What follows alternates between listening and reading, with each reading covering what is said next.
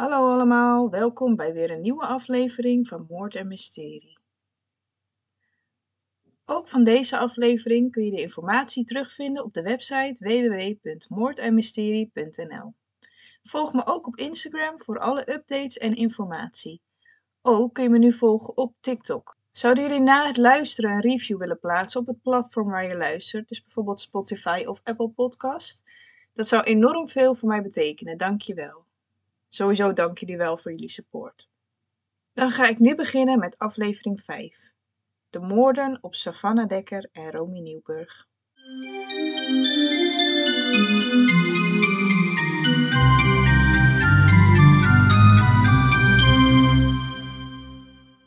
Ik kan mezelf deze gebeurtenissen nog heel erg goed herinneren. De angst die dit meebracht, het ging als een soort schokgolf door heel Nederland. Savannah Dekker was geboren op 14 december 2002. Zij was 14 jaar oud. Zij woonde met haar familie in Bunschoten.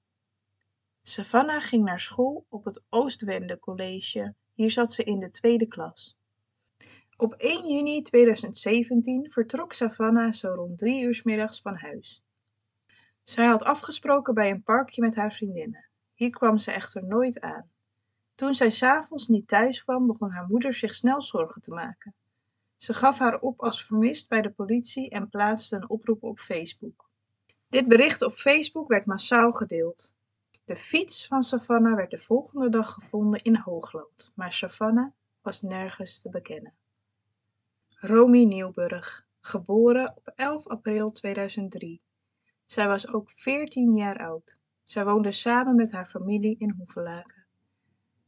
Romy ging naar school op de J.H. Donnerschool in de Glint. Op vrijdag 2 juni 2017 vertrok Romy van school. Ze fietste naar huis. Alleen kwam zij nooit thuis aan. Al voordat ze als vermist werd opgegeven, werd haar lichaam gevonden in een sloot in Achterveld. Op dit moment waren ze ook op zoek naar Savannah, maar ze vonden het lichaam van Romy. Hierdoor ontstond er massale paniek. Deze paniek verspreidde zich heel snel door heel Nederland. Was er een seriemoordenaar actief? Een kinderlokker? Ouders durven hun kinderen niet meer alleen over straat te laten gaan. Het verhaal gaat dat twee mannen in een zwarte auto het gemunt hebben op jonge meisjes. Mannen met baarden die meisjes klemrijden. Alle verhalen gaan in het rond. De politie probeert de paniek weg te halen door te zeggen dat de dood van Romy vermoedelijk niks met de verdwijning van Savannah te maken heeft. Maar de paniek is al ontstaan. Op eerste Pinksterdag verzamelen honderden mensen zich in alle vroegte om te zoeken naar Savannah, zonder de politie. De politie heeft nog het vermoeden dat het meisje ergens in leven is en bij iemand verblijft. Maar op 4 juni werd ook het lichaam van Savannah gevonden.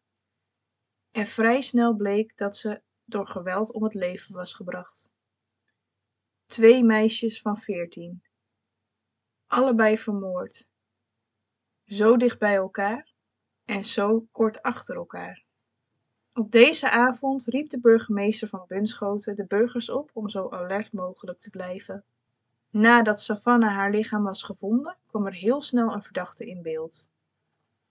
Een jongen van 16 jaar oud. Deze jongen kende ze via social media. Op de dag dat ze verdween had ze samen met hem een drankje gedronken. Deze jongen was opgepakt, maar bleef zwijgen. Het Nederlands Forensisch Instituut kon de doodsoorzaak van Savannah niet achterhalen. En bij de veroordeling legde de rechter uit wat er vermoedelijk was gebeurd. Deze jongen was waarschijnlijk verliefd geworden op Savannah, maar toen Savannah een berichtje stuurde naar een andere jongen tijdens hun ontmoeting, voelde hij zich waarschijnlijk in zijn eer aangetast en heeft haar dus vermoord. Tot op de dag van vandaag blijft deze jongen zwijgen.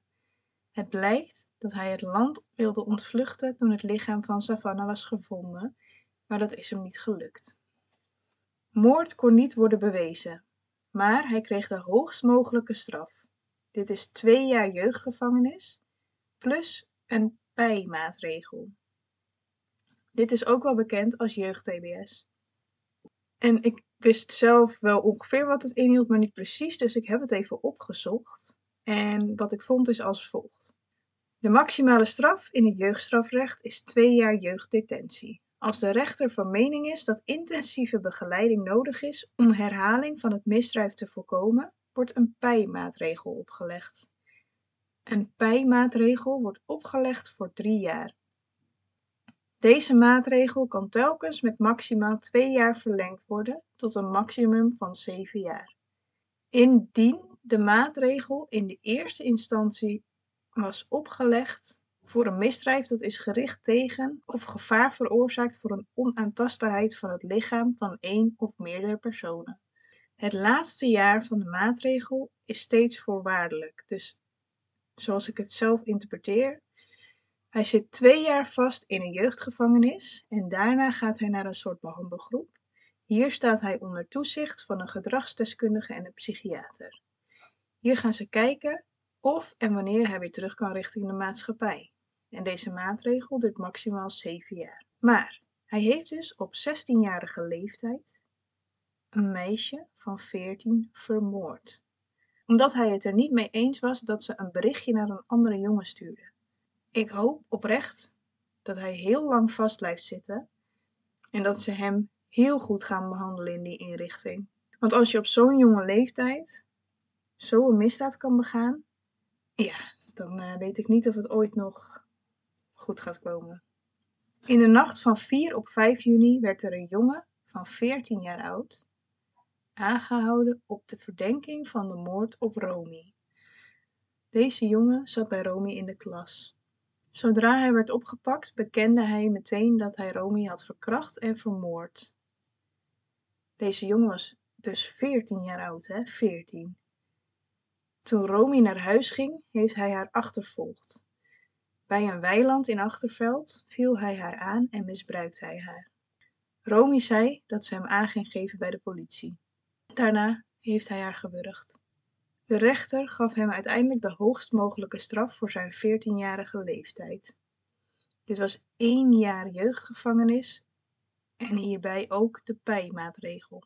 Deze jongen die bleek al onder behandeling te hebben gestaan bij een instelling voor forensische en psychologische zorg, omdat hij op 13-jarige leeftijd iemand anders heeft aangerand. De moeders van Romy en Savannah zijn in 2019 een petitie gestart. Zij willen dat de straffen voor jeugddetentie hoger worden. De moordenaar van Romy heeft de straf van één jaar jeugddetentie plus pijnmaatregel gekregen. Dit is exact dezelfde straf die hij zou gekregen hebben als hij haar alleen zou hebben verkracht en niet vermoord. De moeders pleiten ervoor dat de straffen van twee tot vijf jaar gaan, zodat de rechter hierin kan bepalen welke gradatie straf een jongere verdient. Ook pleiten zij ervoor dat tussen de 16 en de 18 jaar de rechter ervoor kan kiezen om de jeugdige te berechten als een volwassene. Ze hebben nu 90.000 handtekeningen opgehaald en ze hadden er minimaal 40.000 nodig om het op de politieke agenda te krijgen. Minister Dekker heeft de petitie aangenomen en belooft hierover te gaan spreken. In een debat in de Tweede Kamer zijn ze erover uitgekomen dat ze een onderzoek gaan doen naar omliggende landen wat zij voor straffen geven aan jeugd die dergelijke delicten hebben gepleegd. Na dit onderzoek zouden ze weer gaan overleggen en overeenstemmen wat wij hier in Nederland aan kunnen doen. Of we mee willen gaan met onze buurlanden of niet.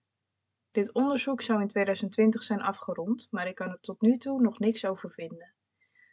Wel zie ik dat de straffen op dit moment nog gelijk zijn als in 2019, dus er is nog niks veranderd. Nou duurt dat natuurlijk ook wel heel erg lang om zoiets aan te passen. Naar mijn verwachting zou daar al jaren overheen gaan. Als je over de hele wereld gaat kijken, zijn er best wel veel minderjarige moordenaars. Van heel veel van deze zaken kun je informatie vinden. Er zullen ook wel genoeg van deze zaken zijn die buiten de media gehouden zijn, omdat de plegers nog onder de 18 jaar zijn. Ik denk zelf dat het goed zou zijn als er inderdaad op een andere manier tegen de straffen aangekeken zou worden. Dat de rechter in ieder geval hier gradaties zou kunnen aanbrengen. Dus als je bijvoorbeeld een jongere hebt die een geweldsdelict pleegt, dat je kan zeggen, nou dat is één jaar.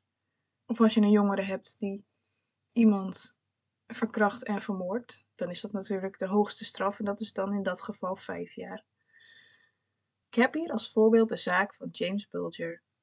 Dit is een hele bekende zaak en het zou kunnen dat jullie hem al kennen, maar ik zal hem even in het kort uitleggen. Dit speelde zich in Engeland af in 1993. Denise Bulger was met haar zoontje James Bulger van twee jaar oud naar het winkelcentrum.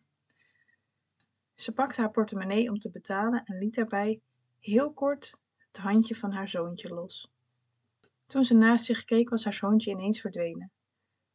Gelijk startte er een grote zoektocht op, maar nergens was een spoor te bekennen van kleine James. Er werd meteen een politieonderzoek opgestart. Toen ze de bewakingscamera's gingen bekijken, zagen ze daar twee tienerjongens een hand geven aan James en met hem naar buiten lopen. In eerste instantie dachten ze dat het jongens van rond de 15, 16 jaar waren, maar achteraf bleken dit Robert Thompson en John Venables te zijn. Deze jongens waren op dat moment beide 10 jaar oud. Ze hebben James meegenomen, hem zwaar mishandeld, zelfs al onderweg. Er zijn mensen die ze hebben zien lopen terwijl er bloed van James zijn hoofd afliep. Maar helaas is er niemand geweest die op dat moment heeft ingegrepen. De jongens hebben James meegenomen naar een plek bij een treinrails. Ze hebben hem hier verschrikkelijk mishandeld en misbruikt, waardoor er niet eens meer kon worden achterhaald wat precies de doodsoorzaak was. Maar heel duidelijk was dat hij was vermoord. Deze jongens zijn beide berecht als volwassenen in Engeland. Zij hebben vastgezeten van 1993 tot 2001. Dat is in totaal dus acht jaar. John Venables is na de gevangenisstraf meerdere malen in herhaling gevallen. Hij is opgepakt voor het bezitten van kinderporno en nogmaals opgepakt voor het bezitten van beelden van misbruik en mishandeling van minderjarigen. In dit geval is de kans op herhaling dus enorm groot. Ik denk dat het beter is dat zo iemand voor de rest van zijn leven vast blijft zitten en nooit meer vrijkomt.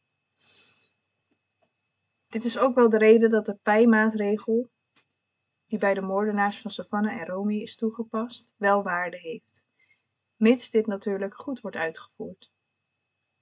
Eigenlijk zou het het beste zijn als ze constant onder toezicht zouden blijven staan zodra ze uit de gevangenis zijn. En bij elke red flag die ze laten zien, dus bijvoorbeeld een verdachte beweging of gekke zoekopdrachten of um, bestanden die ze op hun computers downloaden of agressie richting vrouwen, dat ze dan gelijk weer worden opgepakt en weer worden behandeld. Want als je op zo'n jonge leeftijd iemand van zijn leven kan ontnemen, hoe gaat het dan de rest van je leven? Dus ja, mijn conclusie is eigenlijk: als je op zo'n jonge leeftijd voor zoiets ernstigs wordt opgepakt, moet je eigenlijk zo lang mogelijk vast blijven zitten, maar ook zo goed mogelijk worden behandeld. Dat als je vrijkomt, dat de kans op herhaling kleiner is. En als de kans op herhaling aanwezig is, vind ik, dat je dan moet worden opgepakt en niet meer moet worden vrijgelaten.